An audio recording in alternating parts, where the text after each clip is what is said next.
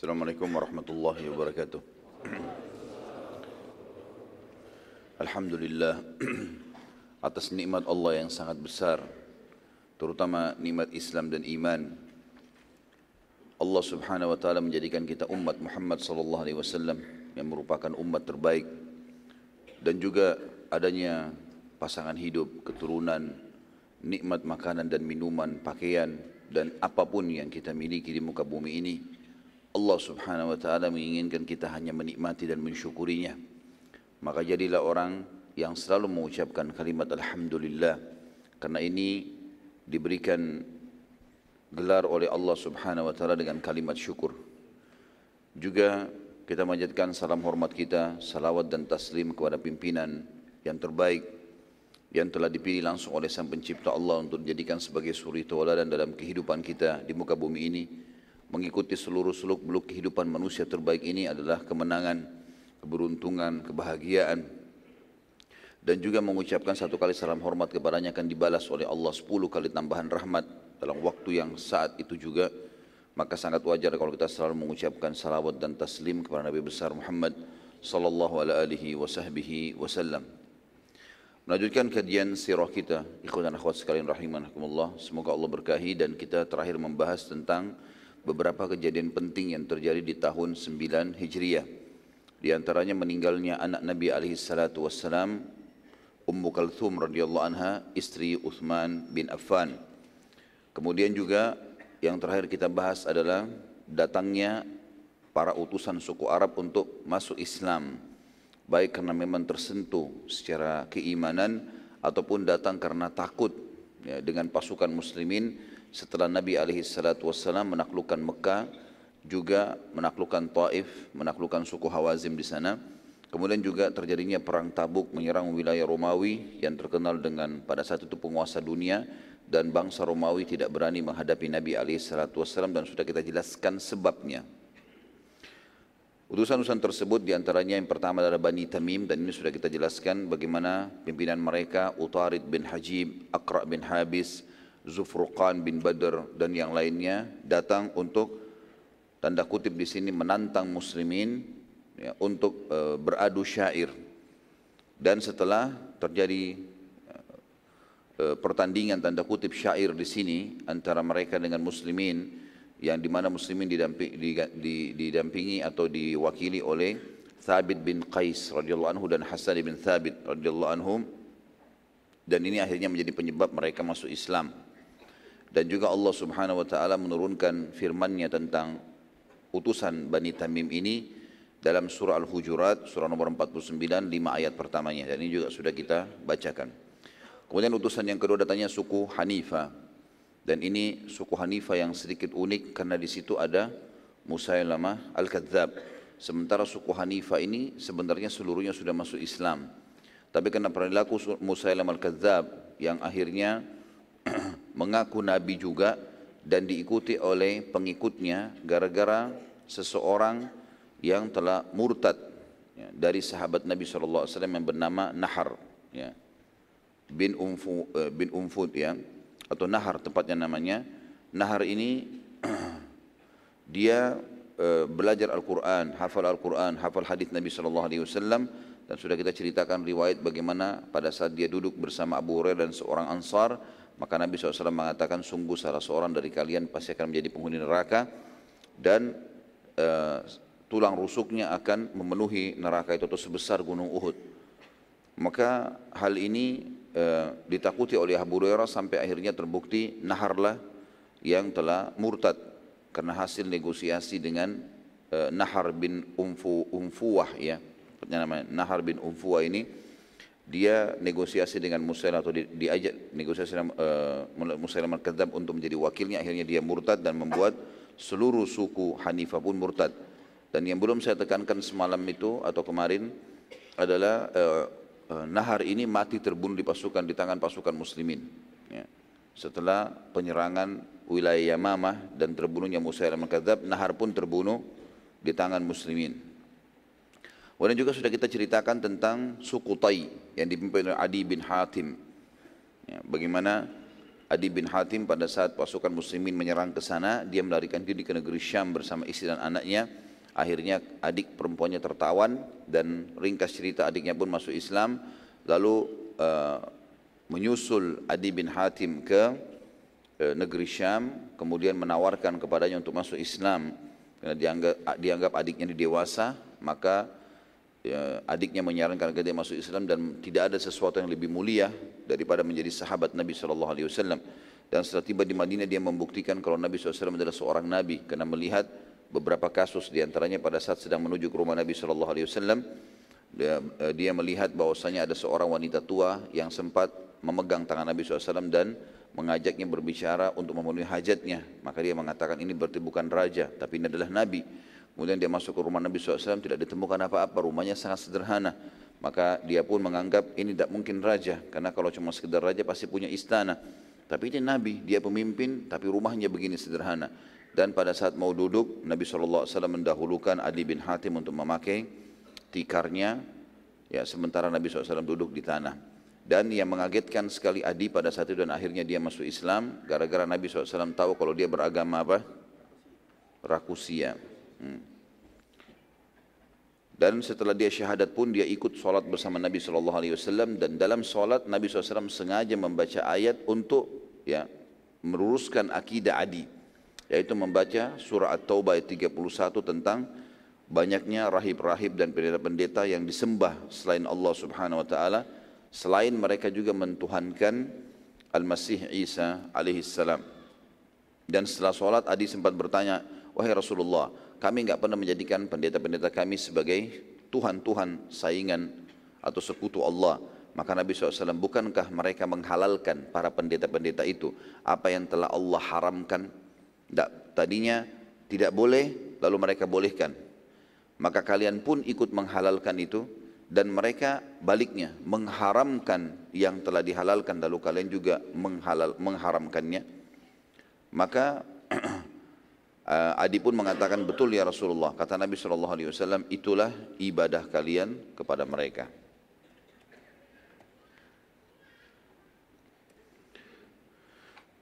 Juga teman-teman sekalian, Nabi Shallallahu Alaihi Wasallam menjanjikan kepada Adi sambil mengatakan kepadanya, mungkin Adi, kamu dulu tidak mau masuk Islam karena kamu melihat muslimin miskin. Ya. Demi Allah kau akan melihat nanti satu waktu kekayaan-kekayaan dunia ini di tangan umatku, kaum muslimin. Mungkin yang membuat dulu kau tidak mau masuk Islam karena kau menganggap muslimin punya rumah-rumah gubuk.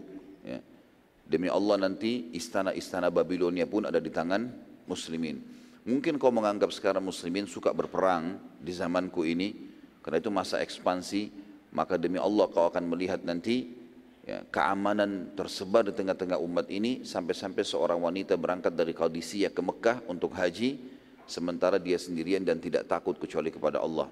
Maka Adi bin Hatim pun akhirnya membuktikan itu sambil mengatakan, aku betul-betul melihat dengan mata kepalaku kalau istana-istana Babilonia dikuasai oleh kaum muslimin sebagaimana penyampaian Nabi alaihissalatu wassalam.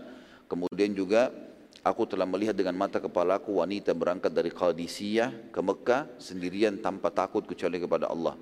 Dan andai saja aku masih hidup, pasti aku akan melihat yang ketiga. Kita akan masuk sekarang saudaraku iman lanjutannya suku-suku ini yang datang untuk masuk Islam. Yang keempat adalah suku Sa'ad ibn Bakar.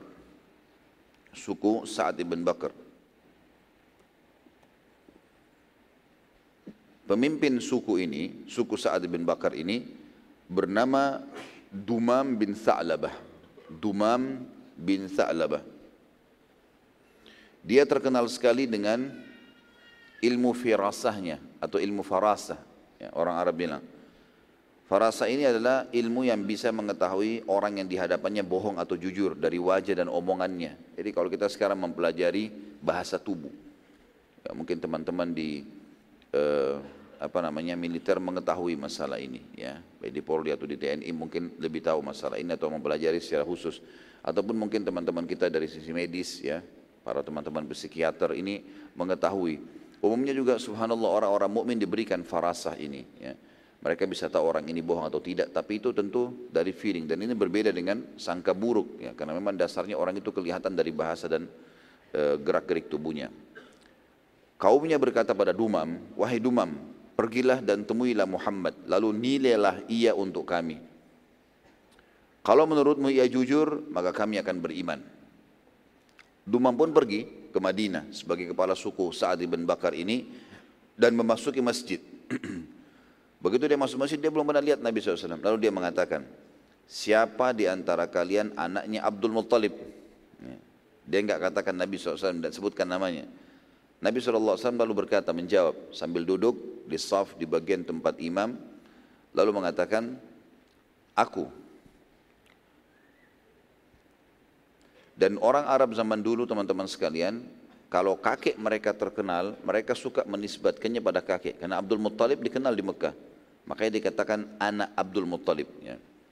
kata Dumam wahai Muhammad aku akan menanyakan kepadamu pertanyaan jangan tersinggung dan marah karena aku akan terang-terangan Kata Nabi SAW, silahkan.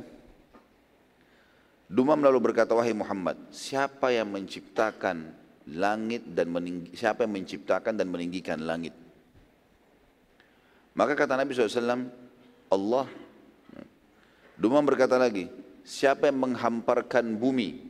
Dalam riwayat lain dikatakan, Dumam ini berkata, aku bertanya kepadamu, atas, uh, aku bertanya kepadamu, Jawablah dengan jujur, siapa yang menciptakan langit dan meninggikannya? Nabi SAW mengatakan Allah. Siapa yang, siapa yang menghamparkan bumi? Aku bertanya lagi kepadamu, jujurlah. Siapa yang menghamparkan bumi? Kata Nabi SAW, Allah.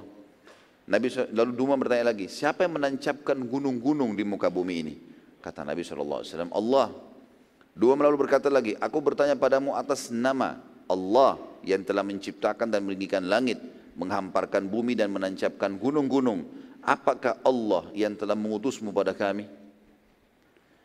Nabi SAW pada saat itu lagi berbaring. Ya, biasanya Nabi SAW tradisi kalau lagi ngomong, ngobrol sama sahabatnya, kadang-kadang duduk, kadang-kadang beliau ittika, beliau meletakkan siku kanannya di tanah, kakinya yang lonjor SAW lalu berbicara dengan para sahabat. Menunjukkan waktu itu adalah waktu santai. Maka pada saat mendengarkan ini, tadinya Nabi SAW lagi berbaring, lalu duduk. Karena pentingnya pertanyaan ini. Ditanya atas nama Allah pencipta langit, meninggikan pencipta langit dan bumi dan menancapkan gunung-gunung. Maka Nabi SAW pun menjawab dengan sangat yakin dan tegas, iya. Dumam berkata lagi, aku bertanya atas nama Allah. Ya, pada saat itu langsung dia mengatakan begini, aku bersaksi bahwa saya tidak Tuhan yang berhak disembah selain Allah dan engkau adalah benar utusannya. Syahadat dia. Dumam berkata lagi, Aku bertanya padamu atas nama Allah yang telah menciptakan dan meninggikan langit dan menancap, menghamparkan bumi dan menancapkan gunung-gunung. Apakah Allah yang telah memerintahkan kepadamu menyampaikan kepada kami agar sholat lima waktu sehari? Kata Nabi SAW, iya. Duma lalu berkata lagi, aku menanyakan lagi padamu atas nama Allah yang telah menciptakan dan meninggikan langit, menghamparkan bumi dan menancapkan gunung-gunung. Apakah Allah yang memerintahkanmu kepada kami agar menyampaikan kepada kami mengeluarkan zakat dari harta-harta kami? Kata Nabi SAW, iya. Dumam tanya lagi, aku menanyakan padamu atas nama Allah yang telah menciptakan dan meninggikan langit, menghamparkan bumi, menancapkan gunung-gunung. Apakah Allah memerintahkan kepadamu agar memerintahkan kami untuk puasa Ramadan selama sebulan? Kata Nabi SAW, iya. Dumam bertanya lagi, aku bertanya kepadamu atas nama Allah yang telah menciptakan dan meninggikan langit, menghamparkan bumi, menancapkan gunung-gunung. Apakah Allah yang memerintahkan kamu agar kami haji ke Baitillah, ke Ka'bah? Kata Nabi SAW, iya. Kata Dumam langsung, demi Allah, aku tidak akan menambah dan menguranginya. Ini aku pegangi. Lalu Dumam pun pulang ke kaumnya dan mengajak mereka masuk Islam. Nabi SAW waktu melihat Dumam pergi, beliau mengatakan, sungguh beruntung bila ia benar.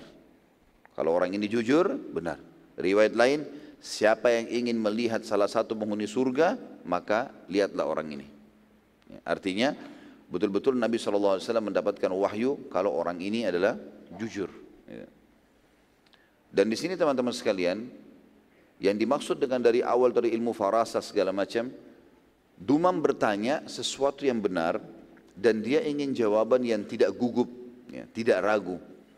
Jadi bukan berarti firas, farasa ini nebak-nebak orang. Enggak. Memang faktanya pada saat dia bertanya, orang itu gugup menjawab. Kalau orang benar pasti dia gampang menjawabnya. Apa kamu tadi ke masjid? Iya. Selesai. Jadi kalau enggak dia pasti ragu untuk menjawab.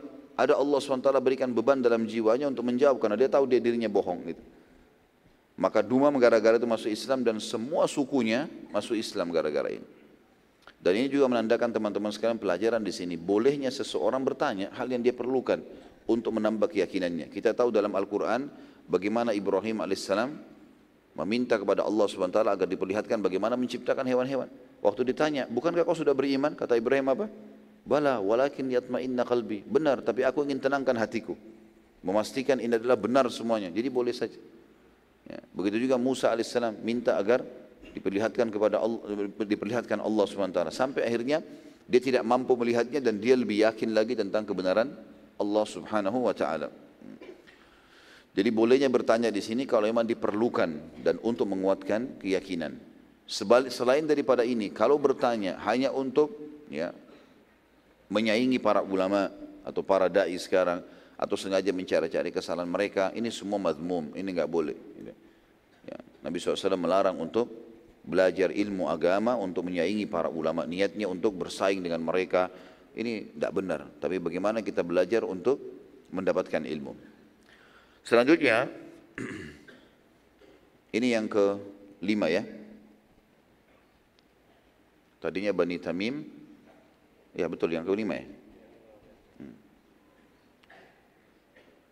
Utusan Najran, utusan dari wilayah Najran. Dan ini kaum Nasrani. Mereka Najran ini seluruh wilayahnya Nasrani.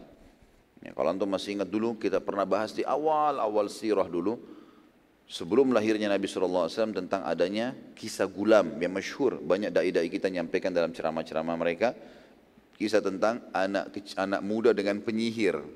Ya. Sudah dengar kan kisahnya? Subuh-subuh lemah sekali. Justru keberuntungan umat Islam itu di subuh hari ini. Di saat orang terbiasa tidur kita malah hidup gitu. Ya. Yang jelas dulu ada kisah di wilayah Najran ini tentang uh, pendeta yang mengajarkan kepada seorang anak muda yang anak muda ini belajar dari dia dan belajar juga dari penyihir dan akhirnya terakhir dia mengikuti pendeta tersebut karena wilayah ini terkenal Nasrani dan akhirnya Allah SWT menangkan agama Allah di tangannya. Nabi SAW mengirim surat secara khusus ke wilayah Najran dan penguasanya. Karena mereka Nasrani mereka sebenarnya tahu orang yang paling dekat memahami Islam pada saat itu orang-orang Nasrani semestinya.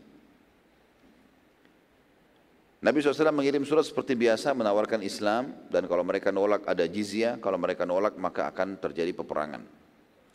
Surat Nabi SAW ini tiba di tangan pemimpin mereka dan pada saat itu pendeta yang menentukan keputusan di wilayah Najran.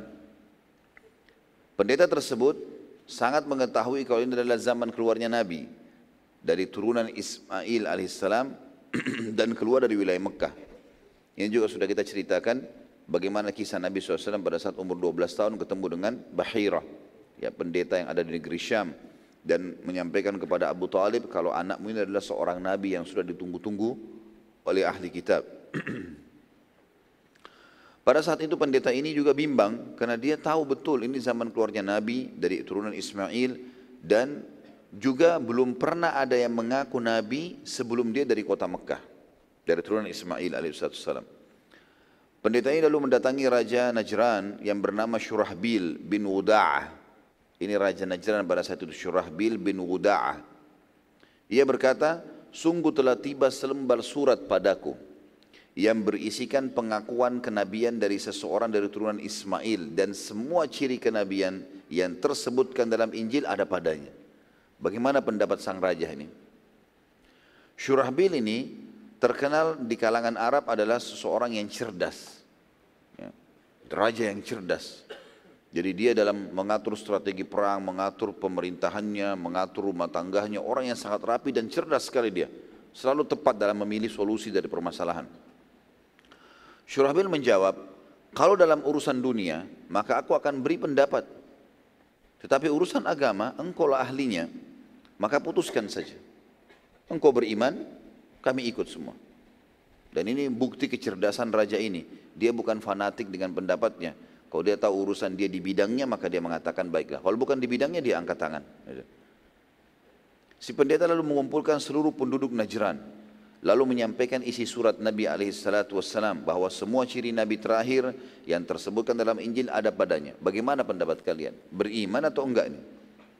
Hampir seluruh wilayah Najran pun menjawab, keputusan di tangan anda, karena anda pemimpin agama kami. Terserah, beriman kami beriman, kami ikut saja. Kesimpulannya, mereka sepakat mengutus para pendeta dan pembesar untuk menemui Nabi SAW di Madinah. Jadi supaya memastikan lagi kalau Nabi SAW betul Nabi dan mengambil ya, tata cara untuk masuk Islam. Semua ini ya, dilakukan dan disepakati oleh para pemimpin, dikirim kurang lebih 10 orang ya, atau lebih dari itu kurang lebih jumlahnya pendeta-pendeta Najran datang berikut mereka membawa keluarga-keluarganya dan untuk menguji Nabi Shallallahu Alaihi Wasallam mereka datang dengan menggunakan baju-baju ya, eh, mahal mereka. Bahkan mereka menggunakan pakaian pada saat itu dari emas dan sutra. Serta menggunakan tunggangan terbaik mereka. Kuda-kuda kerajaan dikirim oleh Raja Shurahbil tadi. Pada saat tiba di Madinah dan mereka masuk ke dalam masjid, Nabi SAW menolak berbicara mereka, dengan mereka dan tidak mau menemui mereka. Begitu Nabi SAW melihat, nggak akan ditemuin. Sampai tiga hari mereka minta izin bertemu dengan Nabi SAW, tapi Nabi terus menolak.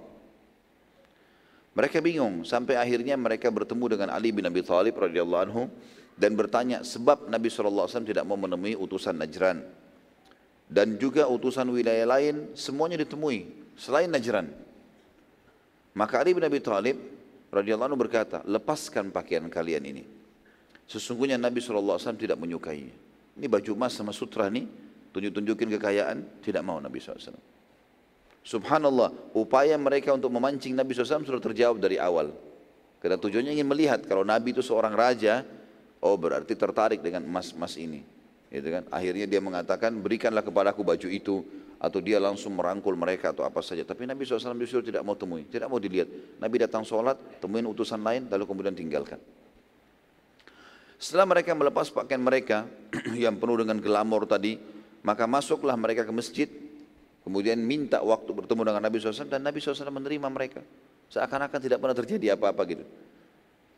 Setelah mendengar langsung dari Nabi SAW jawaban dari semua pertanyaan ya, yang Allah ceritakan di dalam Al-Quran, ini yang mereka tanya. Di awal-awal surah Al-Imran. Ya. Al-Imran, Al artinya keluarga Imran, ayahnya Maryam. Alaihi wassalatu wassalam. Imran adalah orang yang saleh. Makanya Allah sebutkan namanya. Ini adalah ayahnya Maryam. Kakeknya Isa alaihi wassalatu wassalam. Tepatnya pembicaraan antara atau pertanyaan pendeta-pendeta ini dengan Nabi SAW itu disebutkan dalam surah Al-Imran surah nomor 3 ayat 33 sampai ayat 60. Ya. Ayat 33-nya A'udzu billahi minasyaitonir rajim Inna Allah astafa Inna Allah astafa Adam wa Nuhan wa ala Ibrahim wa ala Imran ala alamin Sesungguhnya Allah telah memilih Adam, Nuh, keluarga Ibrahim, dan keluarga Imran melebihi seluruh umat di muka bumi. Ayat 34-nya, "Dzurriyyatan ba'duha min ba'd, wallahu sami'un alim." Satu keturunan atau sebagai satu keturunan yang sebagiannya turunan dari yang lain. Maksudnya ini turun temurun dan Allah Maha mendengar lagi Maha mengetahui. Ayat 35-nya, إذ قالت امرأة عمران ربي إني نذرت لك ما في بطني محررا فتقبل مني إنك أنت السميع العليم Ingatlah ketika istri Imran berkata, Ya Tuhanku, ini ibunya Maryam alaihissalam, alaihi wassalatu wassalam. Sesungguhnya Aku menazarkan kepada engkau anak yang ada di dalam kandunganku untuk menjadi hamba yang saleh dan berkhidmat untuk Baitul Maqdis, ya, Palestina. Karena itu terimalah nazar ini dariku. Sesungguhnya engkau lah yang maha mendengar lagi maha mengetahui. Ayat 36-nya. Falamma wada'atha qalat rabbi inni wada'tuha untha wallahu a'lamu bima wada'at wa laysa dhakaru kal untha. wa inni sammaituha Maryam wa inni u'idhuha bika wa dhurriyyataha minasyaitonir rajim. Maka tatkala istri Imran melahirkan anaknya, dia pun berkata, "Ya Tuhanku, sesungguhnya aku melahirkan seorang anak perempuan dan Allah lebih mengetahui apa yang dilahirkan itu dan anak laki-laki tidaklah seperti anak perempuan. Sesungguhnya aku telah menamai dia Maryam dan aku mohon perlindungan untuknya." Serta anak-anak keturunannya kepada pemeliharaan engkau dari syaitan yang terkutuk. Itu di sini ada sebagian yang mengatakan bahwasanya tadinya uh, Imran dan istrinya berharap Allah SWT berikan anak laki-laki. Karena Imran adalah seorang ulamanya Bani Israel pada saat itu. Allah SWT berikan anak perempuan. Maka ibunya pun mengatakan, aku menyerahkan urusan ini kepadamu ya Allah. Ayat 37-nya, fataqabbalaha rabbuha biqabulin hasanin wa ambataha nabatan hasanan wa kaffalaha Zakaria. Kullama dakhala 'alaiha Zakaria al-mihraba wajada 'indaha rizqa. Qala ya Maryamu anna laki hadha? Qalat huwa min 'indillah. Inna Allah yarzuqu man yasha'u bighairi hisab. Maka Tuhannya menerima nazarnya ibunya Maryam dengan penerimaan yang baik dan mendidiknya dengan pendidikan yang baik. Artinya karena diserahkan Maryam kepada Allah Subhanahu wa taala, dia niatkan seperti itu maka Allah pun mendidiknya dengan baik dan Allah menjadikan Zakaria sebagai pemeliharanya. Sampai di sini tentu ada riwayat yang menjelaskan kalau Imran pada saat mau meninggal, dia khawatir Maryam tidak ada yang didik tepat maka dia pun akhirnya mengajak murid-muridnya untuk supaya uh, dilihat siapa di antara mereka yang paling layak untuk memelihara Maryam. Maka ditemukan waktu itu Zakaria. Zakaria belum jadi nabi. Ya. Ditemukanlah Zakaria ya, pada saat itu yang paling layak dan Zakaria kebetulan istrinya sama istri Imran saudara. Setiap Zakaria waktu sudah dipelihara di bawah naungan Zakaria alaihissalam, setiap Zakaria masuk untuk menemui Maryam di mihrabnya, Maryam AS dalam rumah terus tidak pernah keluar, selalu berada di situ. Setiap ditemuin, ia mendapati makanan di sisi Maryam. Zakaria lalu berkata, Hai Maryam, dari mana kau memperoleh makanan ini? Maka Maryam menjawab, makanan itu dari sisi Allah. Sesungguhnya Allah memberi rezeki kepada siapa yang dikehendakinya tanpa hisab. Jadi Maryam AS karena solehanya sampai Allah subhanahu wa ta'ala menurunkan makanan untuknya dari langit di mihrab tempat solatnya di kamarnya. Ayat 38-nya, Hunalika da'a Zakaria rabbah, qala rabbi habli min ladunka dzurriyyatan thayyibah innaka sami'ud du'a. Di, situlah atau pada saat itulah Zakaria mulai berdoa kepada Tuhannya seraya berkata, Ya Tuhanku, berilah aku dari sisi engkau seorang anak yang baik, sesungguhnya engkau maha pendengar doa. Karena Zakaria alaihissalam pada saat itu sudah lama menikah dan tidak memiliki anak. Istrinya mandul. Diceritakan juga di awal 10 ayat pertama surah Maryam. Ayat 39-nya, فنادته الملائكة وهو قائم يصلي في المحراب أن الله يبشرك بيحيى مصدقا بكلمة من الله وسيدا وحسورا وسيدا وحسورا ونبيا من الصالحين Kemudian Jibril pun datang memanggil Zakaria sedang ia tengah berdiri melakukan sholat di mihrabnya. Sesungguhnya Allah menggembirakan atau menyampaikan berita gembira kepadamu dengan kelahiran seorang putra untukmu yang bernama Yahya yang akan mendengar yang akan membenarkan kalimat ya maksudnya membenarkan kalimat adalah kedatangan nabi ya e, setelah itu yang bernama Isa dia akan membenarkan ini dia akan beriman si Yahya yang datang dari Allah menjadi menjadi panutan menahan diri dari hawa nafsu dan seorang nabi termasuk keturunan orang-orang saleh. Ayat 40-nya. Qala rabbi anna yakunu li gulamu wa qad balagani al-kibar wa imra'ati akhir. Qala kadzalika Allah yaf'alu ma yasha. Zakaria lalu berkata, Ya Tuhanku, bagaimana aku bisa mendapatkan anak sedangkan aku sudah sangat tua dan istriku pun mandul. Allah pun berfirman demikianlah. Allah berbuat apa yang dikehendakinya. Ayat empat satunya. Qala Rabbi ja'alli ayah. Qala ayatuka alla tukalliman nasa thalatha ayyam, thalathata ayyamin illa ramza. Wadhkur rabbaka kathiran wasabbih bil ashi wal ibkar.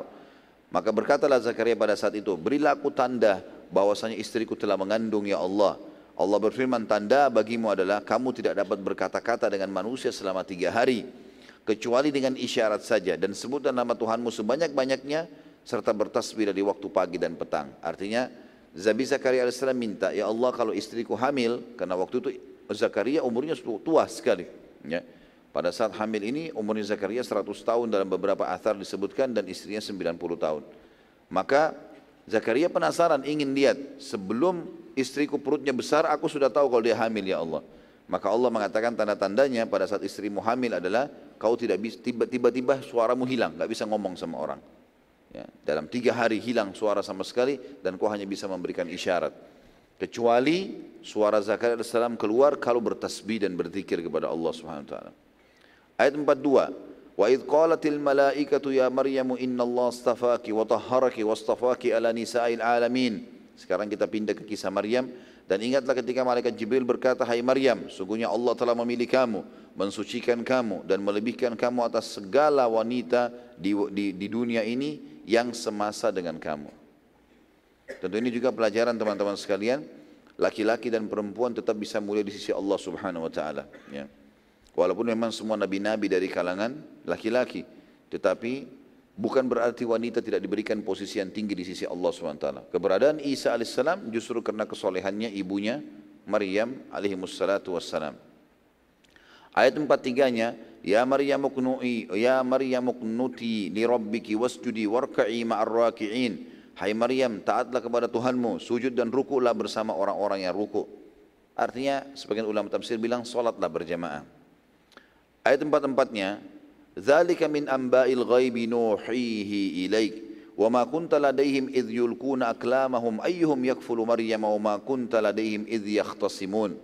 Yang demikian itu adalah sebagian dari berita-berita gaib yang kami wahyukan kepadamu hai Muhammad. Semua tadi yang disampaikan itu kau tidak tahu. Padahal kamu tidak hadir berserta mereka pada saat itu. Ketika mereka melemparkan anak-anak panah mereka untuk mengundi siapa di antara mereka yang akan memelihara Maryam dan kamu tidak hadir di sisi mereka ketika mereka bersengketa. Artinya waktu Imran akan meninggal dunia, ini murid-muridnya dikasih pilihan, siapa kira-kira atau diundi siapa yang akan memelihara Maryam. Ayat 45-nya, "Idz qalatil malaikatu ya Maryamu innallaha yubashshiruki bikalimatin minhu minhu ismuhu Masihu Isa ibn Maryam." Idz qalatil malaikatu ya Maryamu innallaha yubashshiruki bikalimatin minhu ismuhu ismuhul masihu Isa bin Maryam wajihan fid dunya wal akhirah wa minal muqarrabin. Ingatlah ketika malaikat berkata, Hai Maryam, sesungguhnya Allah menggembirakan kamu atau menyampaikan berita gembira kepadamu tentang kelahiran seorang putra yang diciptakan dengan kalimat. Maksudnya membenarkan ya, kedatangan seorang nabi yang diciptakan ya, pada saat itu. Maksudnya membenarkan risalah nabi-nabi sebelumnya dan Nabi Muhammad SAW setelahnya yang datang dari sisi Allah namanya Al-Masih Isa putra Maryam. Seorang terkemuka di dunia dan juga di akhirat dan termasuk orang yang dekat dengan Allah. Ayat 46-nya wa yukallimun nasa fil mahdi wa kahlan wa minas salihin. Dan dia bisa berbicara dengan manusia dalam buayan. Ya, dia bisa bicara sementara dia baik kepada manusia. Dan ketika sudah dewasa juga dia bisa menerangkan dengan agama Allah dan dia termasuk orang-orang saleh. Ayat 47 قالت rabbi anna يكون لي ولد ولم yamsasni بشر قال كذلك الله kadzalikallahu yakhluqu ma yasha. Qala kadzalikallahu yakhluqu ma yasha. Idza qada amran fa inna ma yakul lahu kun fayakun. Marian berkata, "Ya Tuhanku, betapa mungkin aku mempunyai anak? Bagaimana bisa? Padahal aku belum pernah disentuh oleh seorang laki-laki pun. Allah pun berfirman melalui perantara Jibril as demikian Allah menciptakan apa yang dikehendakinya, apabila Allah berkehendak menetapkan sesuatu maka Allah hanya cukup berkata jadilah maka jadilah ia. Ayat 48, wa yu'allimuhul kitab wa yu'allimuhul kitaba wal hikmata wat taurata wal injil. Dan Allah akan mengajarkan kepada Isa itu uh, Alkitab. Maksudnya adalah Injil. Uh, hikmah dan juga Taurat juga Injil. Sebagian ulama mengatakan makna Alkitab di sini adalah menafsirkannya dengan eh, pelajaran menulis. Dan ada pula yang menafsirkan dengan kitab-kitab yang diturunkan Allah sebelum Taurat dan Injil. Ayat 49-nya, "Wa rasulan ila bani Israila anni qad ji'tukum bi ayatin min rabbikum anni akhluqu lakum min at-tini ka hayati at-tayr. Anni akhluqu lakum min at-tini ka hayati at-tayr fa anfukhu fihi fayakunu tayran bi idnillah. Wa ubriul al-akmaha wal abrasa wa uhyi al-mauta bi idnillah wa unabbiukum bima ta'kuluna wa ma tadakhiruna fi buyutikum. Inna fi dzalika laayatan lakum in kuntum mu'minin. Dan sebagai seorang rasul kepada Bani Israel yang berkata kepada mereka sesungguhnya aku telah datang kepadamu dengan membawa satu mukjizat dari Tuhan kalian yaitu aku membuat untuk kalian dari tanah nah, tanah biasa dibentuk seperti burung. Kemudian aku meniupnya maka ia menjadi seekor burung dengan seizin Allah. Itu salah satu mukjizat Nabi Isa alaihissalam. Dan aku menyembuhkan orang-orang yang buta sejak dari lahirnya dan orang yang berpenyakit sopak. Dan aku menghidupkan orang mati dengan izin Allah. Ini hal mujizat. Siapa pun yang mau beriman, butuh bukti maka bisa orang matinya yang dia tunjuk dihidupkan oleh Isa alaihissalam. Tapi setelah itu meninggal lagi. Dan aku kabarkan kepada kalian apa yang kalian makan dan apa yang kalian simpan di rumah-rumah kalian. Sesungguhnya pada demikian itu adalah satu tanda-tanda kebenaran kerasulanku bagi kalian jika kalian sungguh-sungguh beriman. Ayat 50-nya. Wa musaddikan lima baina yadayya minat taurati wa liuhilla lakum ba'da alladhi hurrima alaikum wa ji'tukum bi ayatin min rabbikum fattaqullaha wa ati'un.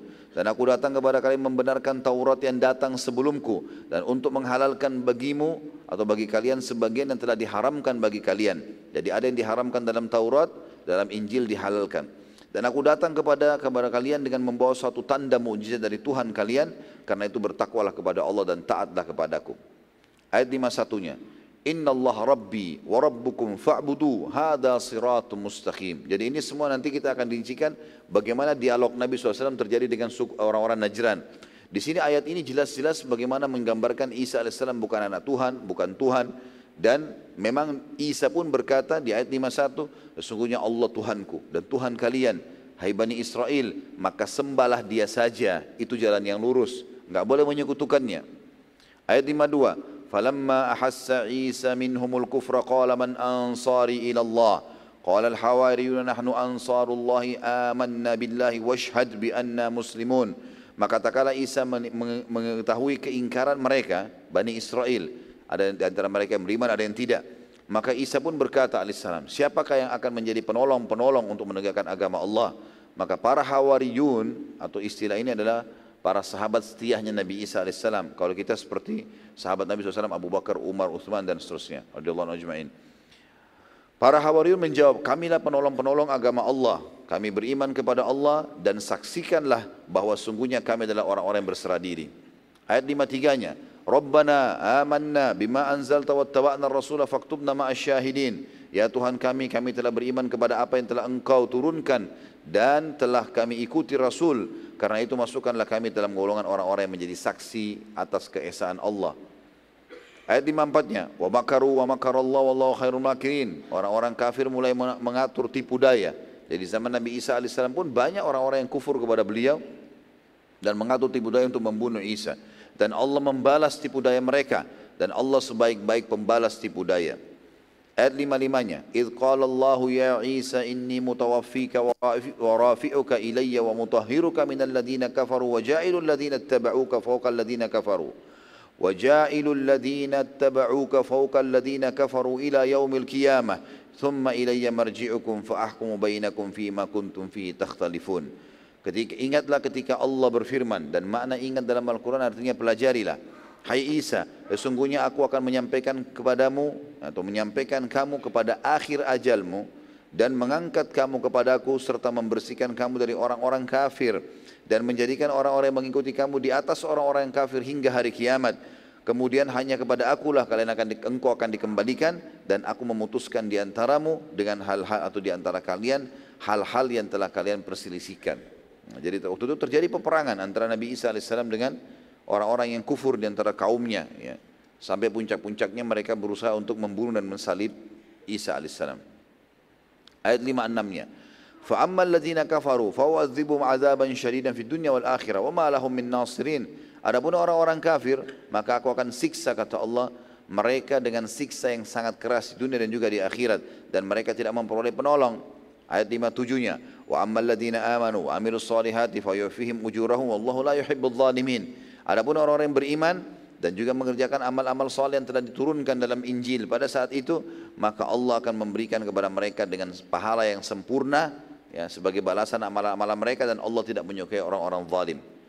Ayat 58, tiga ayat terakhir sampai ayat 60. Dzalika natluhu 'alaika minal ayati wa dzikril hakim. Demikianlah kisah Isa kami membacakan kepadamu hai Muhammad sebagai eh, bukti dari tanda-tanda kerasulannya dan membacakan Al-Quran ini kepadamu dengan penuh hikmah. Artinya kalau bukan Nabi SAW, Nabi tidak mungkin bisa merincikan seperti ini.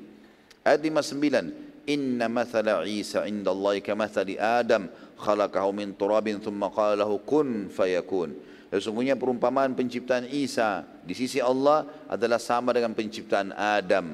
Allah menciptakan Adam dari tanah, kemudian Allah berfirman kepadanya, jadilah seorang manusia, maka jadilah dia.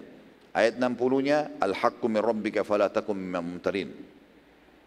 Apa yang telah kami ceritakan kepada Muhammad ini adalah benar, yang datang dari Tuhanmu, karena itu janganlah kamu termasuk orang-orang yang ragu-ragu. Allah subhanahu wa ta'ala menjelaskan panjang lebar pembicaraan Nabi SAW dengan para pemuka dan pendeta wilayah Najran dan ayat-ayat di atas menggambarkan tentang dakwah Nabi SAW kepada mereka. Karena mereka datang lalu mereka menanyakan tentang Isa alaihissalam dalam Islam. Maka Allah pun menurunkan tadi ayat-ayat tersebut menceritakan tentang bagaimana kisah pertama ibunya Maryam sampai akhirnya menyerahkan Maryam kepada Allah lalu kemudian dididik oleh Zakaria lalu kemudian Maryam didatangi oleh uh, Jibril AS lalu kemudian hamillah tanpa suami. Sampai akhirnya Allah menjelaskan di penutup berupa ayatnya tadi kalau perumpamaan Isa sama dengan Adam di sisi Allah ya, dua-duanya diciptakan dari tanah dan dikatakan jadi maka jadilah dia tidak melalui proses biologis ya karena orang-orang Nasrani pun sempat bingung dan mengatakan sebagian mereka mengatakan kalau uh, Maryam punya suami. Ya. Entah dinamakan Yusuf, dinamakan nama, pokoknya nama-nama banyak diberikan. Itu adalah dianggap uh, suaminya Maryam sehingga lah, uh, lahirlah Isa alaihissalam. Ini tidak benar. Makanya Allah SWT menekankan di ayat terakhir tadi, ini benar dari informasi dari Tuhanmu, maka jangan kamu ragu-ragu. Yang lain daripada ini sudah tidak benar. Allah juga melanjutkan lagi beberapa ayat. Setelah itu turun juga firman Allah lanjutannya ayat 62 sampai 74. Ya. Yang bunyinya A'udzu billahi rajim inna hadza lahuwal qasasul haqq wa ma min ilahin illallah wa innallaha lahuwal azizul hakim. Sesungguhnya ini adalah kisah yang benar tentang Isa dan ibunya alaihi wassalatu wassalam dan tidak ada Tuhan yang berhak disembah selain Allah. Enggak ada sekutu bersamanya. Allah tidak punya anak, tidak beranak, tidak diperanakan. Dan sungguhnya Allah, dialah yang maha perkasa lagi maha bijaksana. Ayat 63. Fa in tawallau fa inna Allah alimun bil mufsidin. Andai saja orang-orang Najran itu mereka berpaling setelah engkau jelaskan kebenaran ini hai Muhammad, maka sungguhnya Allah mengetahui orang-orang yang berbuat kerusakan. Ayat 64-nya. Qul ya ahlal ta'alu ila kalimatin sawa'in bainana wa bainakum alla na'budu alla na'budu wa la nusyrika bihi syai'an wa la yattakhidha ba'duna ba'dan min dunillah. Fa in tawallaw bi anna muslimun. Katakan kepada mereka hai Muhammad utusan Najran yang datang. Hai ahli kitab marilah berpegang kepada suatu kalimat ketetapan yang tidak ada perselisihan antara kami dengan kalian. Yaitu kita menyembah kita eh, bahwa kita tidak sembah kecuali Allah dan dan kita tidak mempersekutukan dia dengan sesuatu apapun dan tidak pula sebagian kita menjadikan sebagian yang lain sebagai Tuhan selain Allah. Jika mereka berpaling setelah engkau sampaikan ini hai Muhammad maka katakan kepada mereka saksikanlah bahwa kami adalah orang-orang yang berserah diri kepada Allah. Ayat 65-nya, Ya ahlal kitabi, lima tuhajjuna fi Ibrahim wa ma unzilatit Tauratu wal Injilu illa min ba'di, afala taqilun. Hai ahli kitab, mengapa kalian bantah membantah tentang hal Ibrahim? Ya. Jadi orang-orang Yahudi dan Nasrani ini ribut satu sama yang lain, masing-masing menganggap Ibrahim alaihissalam dari golongannya. Yahudi bilang Ibrahim golongan kami, Nasrani mengatakan Ibrahim golongan kami. Allah mengatakan, hai ahli kitab, mengapa kalian saling bantah membantah tentang hal Ibrahim? Padahal Taurat dan Injil tidak diturunkan melainkan sesudah Ibrahim. Apakah kalian tidak berfikir? Tidak ada hubungannya Ibrahim AS dengan Taurat dan Injil ini. Gitu. Ayat selanjutnya 66, Ha antum haulai hajajtum fima lakum bihi ilmun falima tuhajjuna fima laysa lakum bihi ilm wallahu ya'lamu wa antum la ta'lamun. Beginilah kamu sewajarnya bantah membantah atau beginilah kalian selalu bantah membantah tentang hal yang kalian ketahui. Maka mengapa kalian bantah membantah dengan hal yang tidak kalian ketahui? Allah mengetahui sedangkan kalian tidak mengetahuinya. Tentang Ibrahim alaihissalam. Ayat 67 nya maka na Ibrahimu Yahudiyan wala Nasraniyan walakin kana hanifan muslim wa ma kana minal musyrikin. Ketahuilah Ibrahim bukan seorang Yahudi, bukan juga seorang Nasrani, akan tetapi dia adalah seorang yang lurus, lagi berserah diri kepada Allah, maksudnya orang yang bertauhid dan sekali-kali bukanlah dia termasuk golongan orang-orang musyrik ya. Yahudi Nasrani pun membahasakan agama Ibrahim agama Hanif agama yang lurus. Ayat 68 Inna awlan nasi bi Ibrahim lalladhina ittaba'uhu wa hadha an-nabiy walladhina amanu. Wallahu waliyul mu'minin. Sesungguhnya orang-orang yang paling dekat kepada Ibrahim adalah orang-orang yang mengikuti ya, mengikutinya, pengikut Nabi Ibrahim AS. Dan Nabi ini, maksudnya Muhammad SAW, beserta orang-orang yang beriman kepada Muhammad SAW. Kita semua ini umatnya. Dan Allah adalah pelindung orang-orang yang beriman. Ayat 69. Waddat ta'ifatun min ahli kitab la yudillunakum wa ma yudilluna illa anfusahum ma yash'urun. Segolongan dari ahli kitab ingin menyesatkan kamu. Padahal mereka sebenarnya tidak menyesatkan melainkan diri mereka sendiri dan mereka tidak menyadari itu. Ayat 70. Ya ahlal kitab lima takfuruna bi ayatillahi wa antum tashhadun. Hai ahli kitab, mengapa kalian mengingkari ayat-ayat Allah, Al-Qur'an maksudnya? Kenapa kalian ingkari ini? Padahal kalian mengetahui kebenarannya. Ayat 71. Ya ahlal kitab, lima talbisuna al-haqqa bil batil wa taqtumul haqqa wa antum ta'lamun. Hai ahli kitab, mengapa kalian mencampur adukan hak dengan yang batil? Ya. Maksudnya kalian menutup menutup nutupi apa yang disebutkan dalam Taurat dan Injil tentang kebenaran Al-Quran dan menyembunyikan kebenaran padahal kalian mengetahui itu. Ayat 72-nya. Wa qalat ta'ifatun min ahli kitabi aminu billadzi unzila 'ala alladziina amanu wajhan nahari wakfuru akhirahu la'allahum yarji'un. Segolongan lain dari ahli kitab, maksudnya orang-orang Yahudi di Madinah ada, mereka berkata satu sama yang lain, Perlihatkanlah seolah-olah kalian beriman kepada apa yang diturunkan kepada orang-orang beriman itu, maksudnya sahabat-sahabat Rasulullah SAW. Pada permulaan siang, kalau ketemu pagi hari pura-pura beriman. Dan ingkari di malam harinya. Supaya mereka orang-orang mukmin itu kembali murtad. Jadi kacaukan agama mereka. Ayat 73 dan ini uh, dua ayat yang terakhir sampai 74 ya. yang kita saksi bahasankan wala tu'minu lima wala tu'minu illa liman tabi'a dinakum. Qul innal huda hudallahi an yu'ta ahadun mithla ma utitum aw yuhajjukum 'inda rabbikum. Qul innal fadla bi yadillahi yu'tihi man yasha'u. Wasi'un 'alim. Dan janganlah kalian percaya melainkan orang yang mengikuti agama kalian. Mereka berkata itu orang-orang Yahudi dan Nasrani. Katakanlah sesungguhnya petunjuk yang harus diikuti adalah petunjuk Allah. Dan janganlah kalian percaya bahwa akan diberikan kepada seseorang seperti apa yang diberikan kepadamu. Dan jangan pula kamu percaya bahwa mereka akan mengalahkan hujahmu di sisi Tuhanmu. Katakanlah, sesungguhnya karunia Allah itu di tangan karunia di tangan Allah. Allah memberikan kepada karunianya kepada siapa pun yang dikehendakinya dan Allah Maha luas karunia lagi Maha mengetahui. Artinya, kalian ahli kitab harus lebih tahu bahwasanya ini kebenaran. Kenapa harus ditolak? Ayat 74 dan terakhir di sini adalah yakhtassu bi rahmatihi man yasha wallahu dzul fadlil azim. Allah menentukan rahmatnya atau kenabian kepada siapa yang dia kehendaki dan Allah mempunyai karunia yang besar. Selama tiga hari Nabi SAW mendakwai utusan Najran. Terus berargumentasi dengan mereka menjelaskan kalau Isa bukan anak Tuhan dan ini ayat-ayat Al-Quran. Dibacakanlah surah tadi yang sudah kita bacakan. Ini loh dalilnya dalam ini keyakinan kami dan ini benar dan kalian tahu Isa bukan anak Tuhan. Terus saja mendakwai mereka dan mereka masih saja merasa ragu dan bimbang. Pertimbangan mereka banyak sekali. Ya. Apakah ini benar? Apakah ini salah? Terus saja. Padahal mereka pendeta dan kebenaran sudah depan mata. Maka Nabi SAW setelah tiga hari tersebut menantang mereka untuk bermubahala. Keluarlah hukum mubahala di situ. Dan mubahala ialah masing-masing pihak mendatangkan keluarganya lalu berdoa kepada Allah dengan serius. Ya, agar diturunkan laknat kepada orang-orang yang menolak kebenaran. Dan ini mubahala ini terjadi antara kaum muslimin sebagaimana sunnah Nabi SAW dengan ahli kitab. Ya.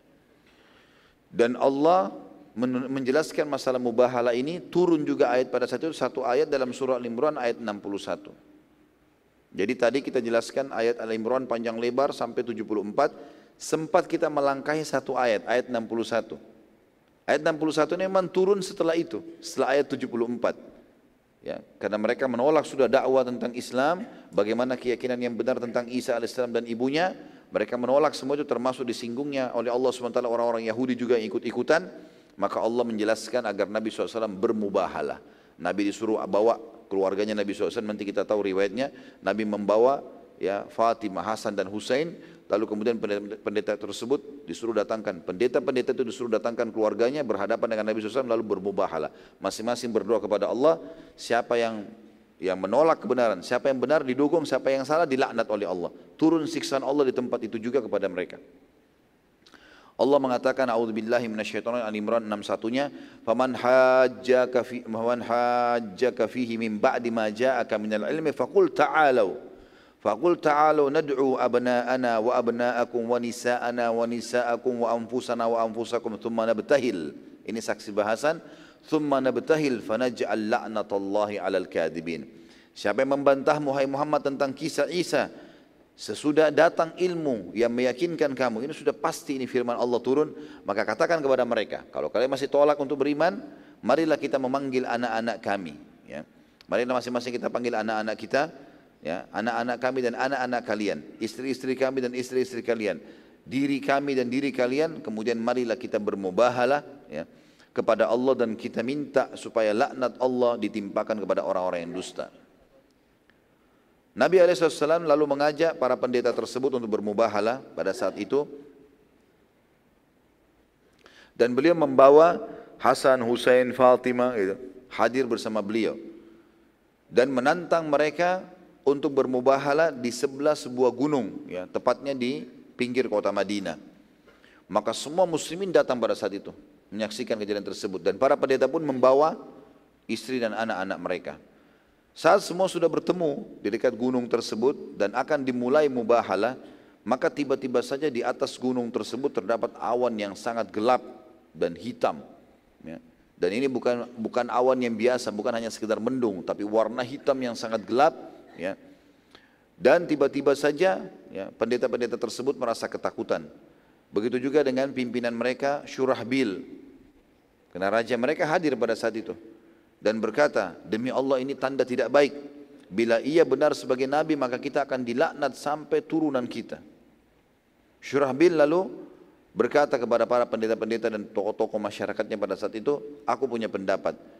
Kita tetap saja dalam agama kita dan Muhammad sebagaimana sudah kita saksikan orang bijaksana dan dewasa, maka kita serahkan saja keputusan asal tidak meninggalkan agama kita.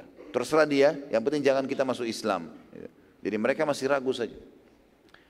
Maka para utusan Najran pun menemui Nabi SAW dan meminta pendapat. Ya, pada Nabi SAW ini tinggal berdoa, maka turun laknat kepada mereka. Nabi SAW berkata, aku khawatir bila aku beri keputusan lalu kalian menolak maka akan terjadi murka Allah. Syurahbil berkata, aku raja dan mereka tidak akan menolak keputusanku. Apa pun keputusanmu sekarang, ya asal jangan masuk Islam saja. Kami setuju, seperti itu.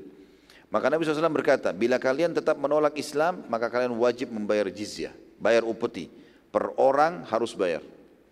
Dan itu nanti disepakati setelah uh, kasus ini. Kalau memang setuju jizya, maka Nabi SAW akan tentukan per orang, per kepala bayar sekian dan seterusnya. Itu tergantung keputusan pemimpin setempat. Nabi SAW lalu berkata, bila kalian tetap menolak Islam, maka kalian akan bayar jizya. Maka Syurahbil pun pulang dan berkata kepada para pendeta, kita akan membayar jizya.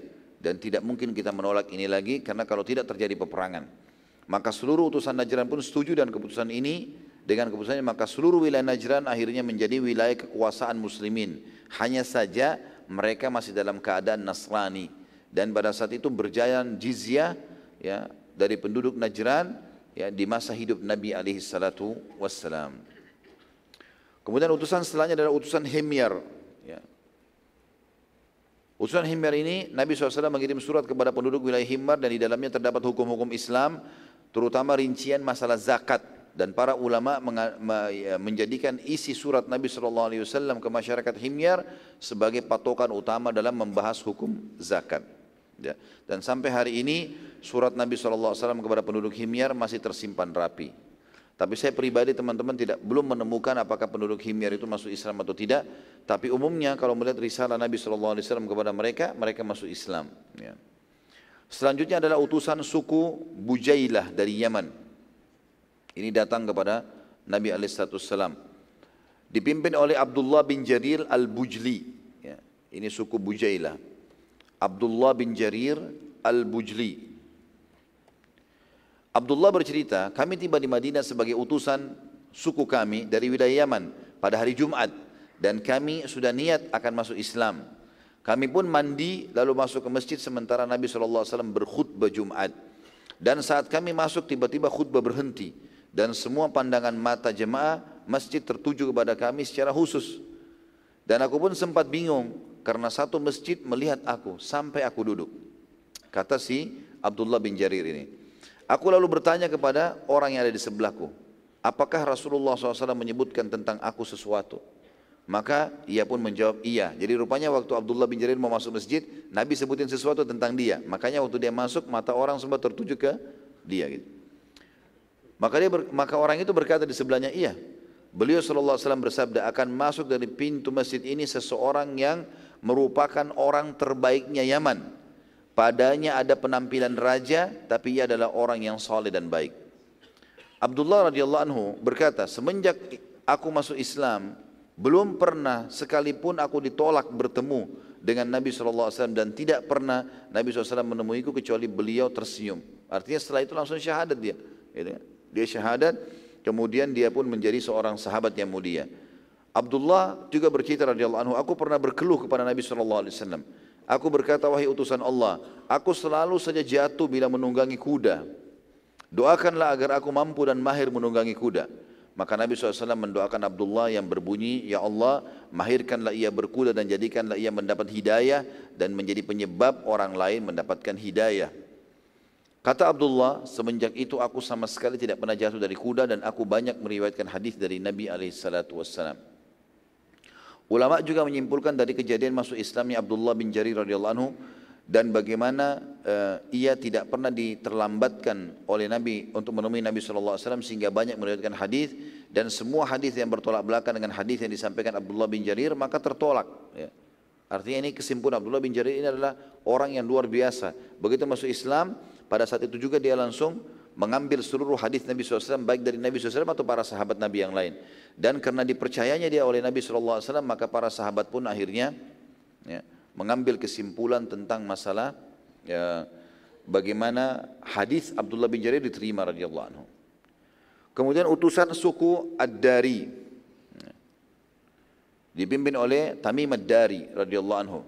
Ya, tentu ini ada kisah unik ini dalam hadis Bukhari tentang Dajjal. Tamim Ad-Dari ini radhiyallahu anhu tadinya beragama Nasrani.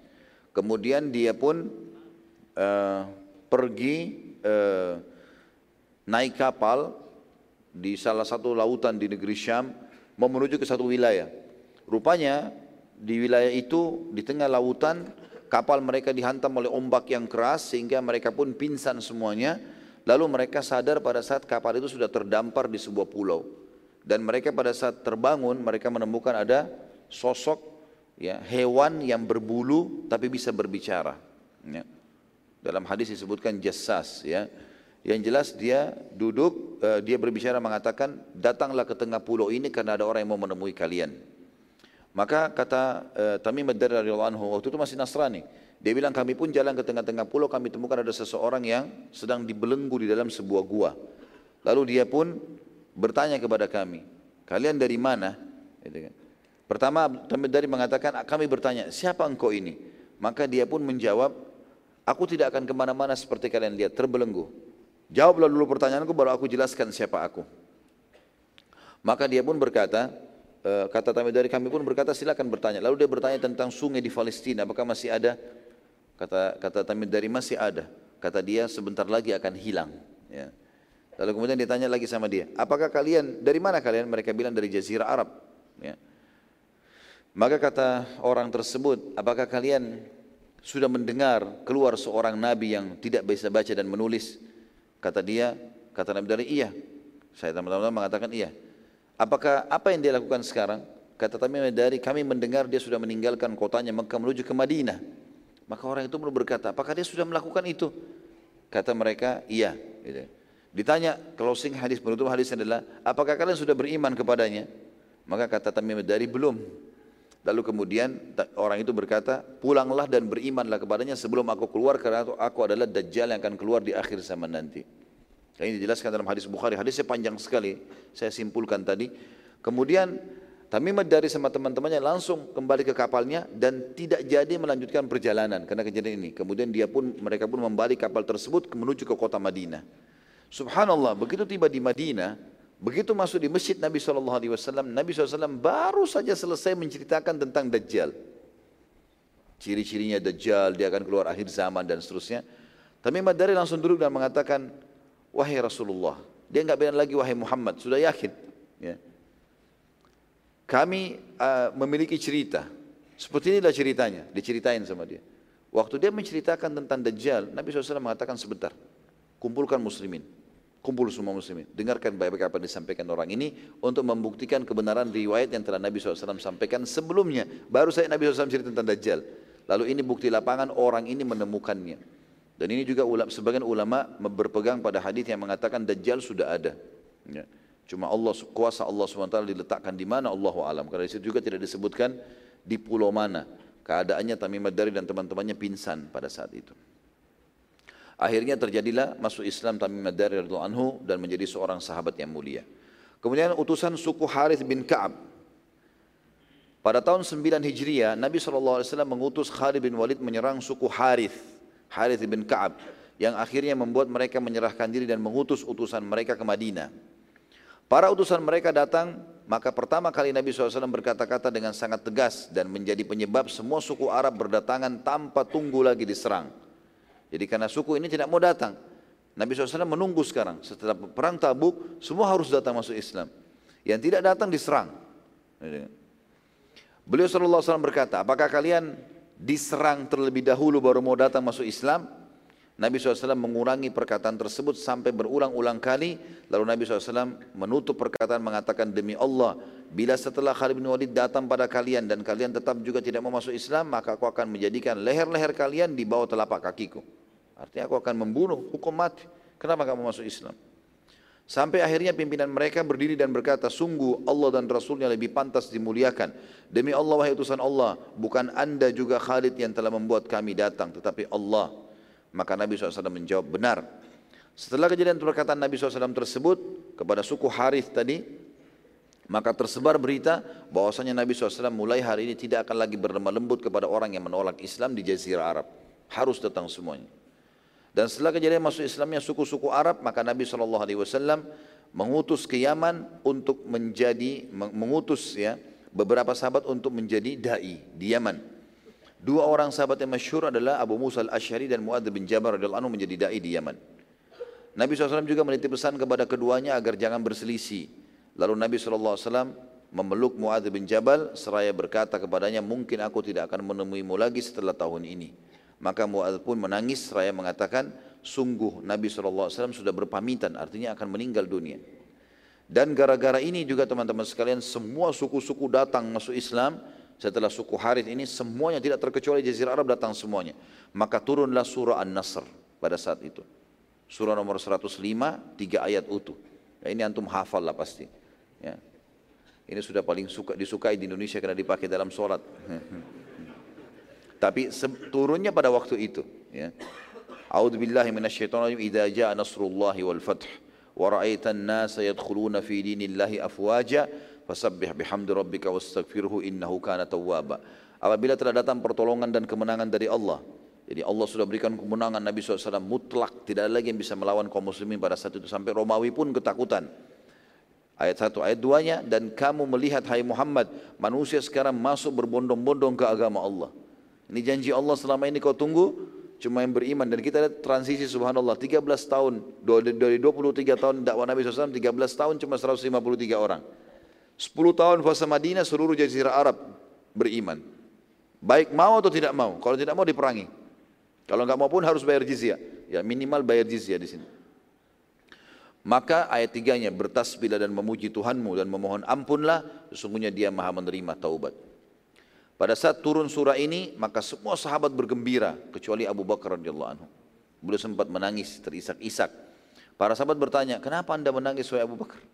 Bukankah ini berita gembira bahwasanya agama Allah sudah diterima semuanya?" Maka Abu Bakar menjawab, "Ayat-ayat ini pertanda perpisahan antara kita dengan utusan Allah."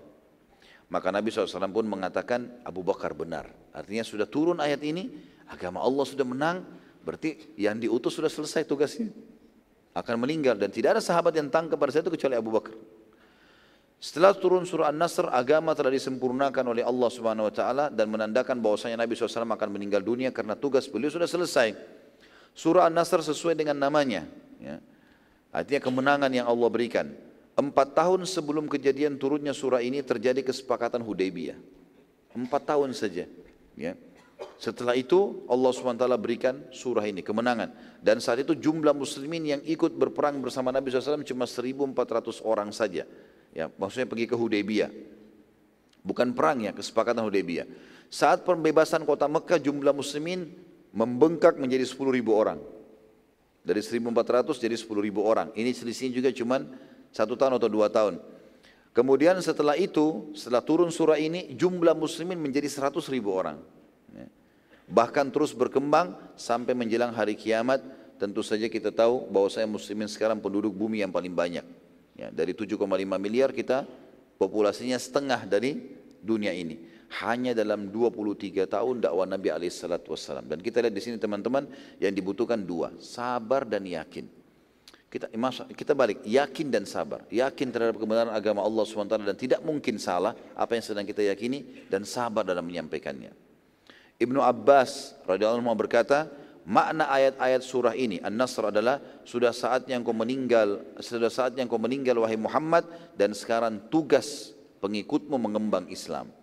Sudah selesai agama ini, kamu sekarang harus ya, meninggal dan akhirnya umatmu akan mengembangkan ayat ini. Sebagai penutup teman-teman sekalian, kalimat yang saya tulis terakhir di sini masalah uh, hikmah yang kita ambil, perang Tabuk adalah perang terakhir Nabi Shallallahu Alaihi Wasallam. Ini adalah peperangan terakhir Nabi Alaihissalam dan Islam sudah sempurna dari seluruh sisinya. Dari pensyariatan hukum-hukum sudah sempurna. Tidak ada lagi yang turun setelah itu. Surat-surat ke seluruh pemimpin dunia sudah disampaikan. Seluruh dunia sudah mengenal pada saat itu. Surat Nabi SAW sudah sampai. Baik ada yang menolak ataupun beriman. Dengan ditawarkan Islam kepada mereka dan juga sebelum Nabi SAW meninggal, maka seluruh suku-suku Arab termasuk Islam yang menandakan bahwasanya Islam sudah menyebar jazirah Arab dan juga wilayah eh, negeri Syam, utara jazirah Arab akan terbuka di akhir hidup Nabi SAW. Nanti Nabi bentuk pasukan eh, pasukan Usama bin Zaid untuk menyerang ya wilayah negeri Syam gitu kan. Memang sudah mau ekspansi rencananya. Tapi memang Allah sudah menakdirkan berbeda. Nabi SAW meninggal sebelum itu terjadi. Dan nanti kita tahu ekspansi terjadi di zaman Umar bin Khattab. Baik itu ke negeri Syam adanya perang Yarmuk baik itu ke timur Jazirah Arab ya ke wilayah Persia Irak Iran Afghanistan dan Rusia ada Qadisiyah. Kemudian juga ada peperangan e, menembus Mesir. Ini terjadinya perang Yarmuk di e, negeri Syam ini tahun 15 Hijriah Nabi SAW meninggal tahun 11 Hijriah. Jadi empat tahun setelah itu terjadi. Kemudian eh, ada Qadisiyah tahun 16 Hijriah. Kemudian Mesir pembukaan Afrika daerah barat Jazirah Arab itu tahun 20 Hijriah. Dan ini teman-teman sekalian dalam hitungan tahun yang sedikit saja Islam sudah menyebar di mana-mana. Dan ini menandakan sekali lagi tentang kebenaran agama Islam. Allahu alam. Insyaallah pertemuan akan datang nanti kita akan bahas tentang haji wada Nabi SAW, haji perpisahan beliau, lalu wasiat-wasiatnya, ayat-ayat yang turun pada saat itu. Kemudian juga kita akan menceritakan insya Allah nanti masalah prosesi kematian Nabi SAW, pemakaman beliau dan juga penobatan Abu Bakar radhiyallahu anhu menjadi khalifah sebagai pengganti beliau. Allahu a'lam. Baik sampai sini insya Allah bahasannya. Mudah-mudahan apa yang kita bahas selama ini bermanfaat buat kita dan Allah jadikan sebagai tambahan amal kita pada hari kiamat. Semoga seluruh amal yang pernah kita kerjakan, yang sedang kita kerjakan dan akan kita kerjakan ke depan sampai menjelang ajal datang nanti diterima dengan pahala yang sempurna dan benar sesuai dengan Allah dan Rasulnya inginkan. Dan semoga semua dosa yang pernah kita lakukan sengaja tidak sengaja, kecil ataupun besar, samar ataupun nyata, semuanya diganti dengan kemahamuran Allah menjadi pahala. Dan semoga Indonesia menjadi negara yang aman, tentram, damai, seluruh umat Islam di bawah naungan ukhuwah Islamiyah, diangkat perselisihan di antara mereka dan dalam hal ibadah mereka kembali kepada Al-Quran Al-Quran dan Sunnah dan semoga saja Allah mengaruniakan pemimpin muslim yang adil yang kembali kepada Al-Quran dan Sunnah dan menjadi contoh bagi negara-negara yang lain dan semoga saja Allah SWT menolong saudara kita di Palestina, di Syria, di Yaman, di Irak, di Myanmar, di Ahsa, di mana mereka sedang tertindas. Semoga Allah Subhanahu Wa Taala memberikan kepada mereka kemenangan, pertolongan, dan juga mengikut sertakan kita bersama mereka di pahala baik dengan doa dengan harta juga dengan jiwa kita. Dan semoga Allah Subhanahu wa taala menyatukan kita semua yang mengikuti acara ini di masjid ini mengikuti acara kita live dan juga mengikuti acara ini dengan mengulang-ulangnya atau menyerahkan atau menyebarkan kepada orang muslimin agar bermanfaat. Semua disatukan di surga firdausnya tanpa hisab ya sebagaimana kita disatukan dalam majlis ilmu ini. Subhanakallahumma bihamdika asyhadu an la ilaha illa anta astaghfiruka wa atubu ilaik. Wassalamualaikum warahmatullahi wabarakatuh